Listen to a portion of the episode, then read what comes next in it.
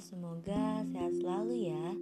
Jangan lupa tetap mematuhi protokol kesehatan di mana pun kalian berada. Jangan lupa mencuci tangan, pakai masker, dan berjaga jarak ya. Kenalin nih, nama gue Debbie Alivia. Kalian bisa panggil gue Debbie. Gue lahir bulan Februari tahun 2001. Yang zodiaknya Pisces. Mana nih suaranya? Gue ini anak pertama dari dua bersaudara. Perempuan pertama nih cuy. Lumayan berat lah ya.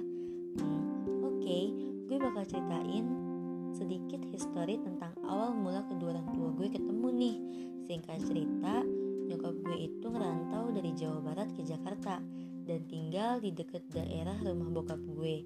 Jadi mereka kenal karena lingkup tempat tinggal yang berdekatan Lalu jatuh cinta dan akhirnya menikah lahirlah gue sama adik gue gitu. Di sini gue juga bakal menceritakan tentang perbedaan kebudayaan kedua orang tua gue, di mana bokap gue lahir dan besar di Jakarta, sedangkan nyokap gue lahir dan besar di Kuningan, Jawa Barat. Gue sendiri sih lahir di Jawa Barat, tapi sekitar usia 3 bulan gue udah diboyong ke Jakarta nih. Beda sama adik gue yang emang lahir di Jakarta. Tapi setahu gue secara garis keturunan walaupun gue lahir di Jawa Barat tapi budaya gue ini lebih condong ke Betawi mungkin karena bokap gue sendiri lahir di Jakarta dan gue besar di Jakarta bener gak sih kayak gitu hmm. karena gue tinggal di rumah orang tua gue yang berbeda suku jadi untuk bahasa dan gaya bicara ya gue bisa beradaptasi contohnya kalau nyokap lagi telepon sama saudara gue yang ada di Jawa Barat, pasti kan mereka ngomongnya bahasa Sunda. Nah, di sini nih, gue tuh agak paham apa yang mereka bicarain. Cuma untuk bicara seperti orang Sunda asli, ya gue tuh nggak bisa. Sedih banget ya. Mungkin karena gue kecil udah di Jakarta kali ya. Tapi nggak apa-apa, kan masih bisa belajar. Nah, terlahir dari dua suku yang berbeda, itu tuh gak ngebuat gue merasakan pola asuh yang harus memihak ke salah satu suku nih. Maksudnya, gue sama adik gue itu gak dipojokin untuk memilih terlalu ke nyokap kah atau terlalu ke bokap kah. Yang netral aja udah kayak gitu. Sebagai orang Betawi asli, bokap itu selalu menekankan jangan lupa sembahyang ya, sama ngaji juga ya ala-ala almarhum Babe Benyamin Sueb deh. Lain lagi nih kalau nyokap. Dia juga sering mengingatkan gue tentang agama. Dan dia itu care banget sama kebersihan.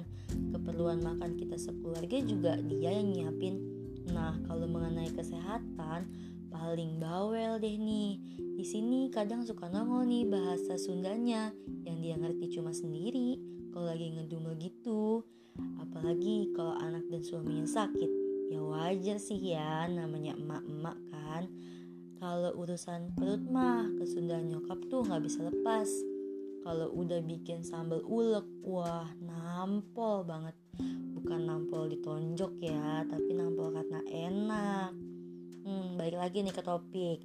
Dalam membagi peran mengasuh adik dan gue pun mereka juga gak terlalu ambil pusing ngebebasin aja. Asal gak melanggar norma yang ada dan selalu support gue dalam hal apa pun yang positif ya tentunya. Hmm, unik sih kalau mau bicarain tentang mereka berdua. Ya senang aja gitu bahasnya. Oh iya, mereka juga punya frekuensi humor yang sama nih. Gue rasa itu juga ngalir ke darah gue yang seneng banget bercanda. Ya kadang gak jelas ya emang. Maklum, suka ngabodor aja channel orang Sunda mah. Hahaha.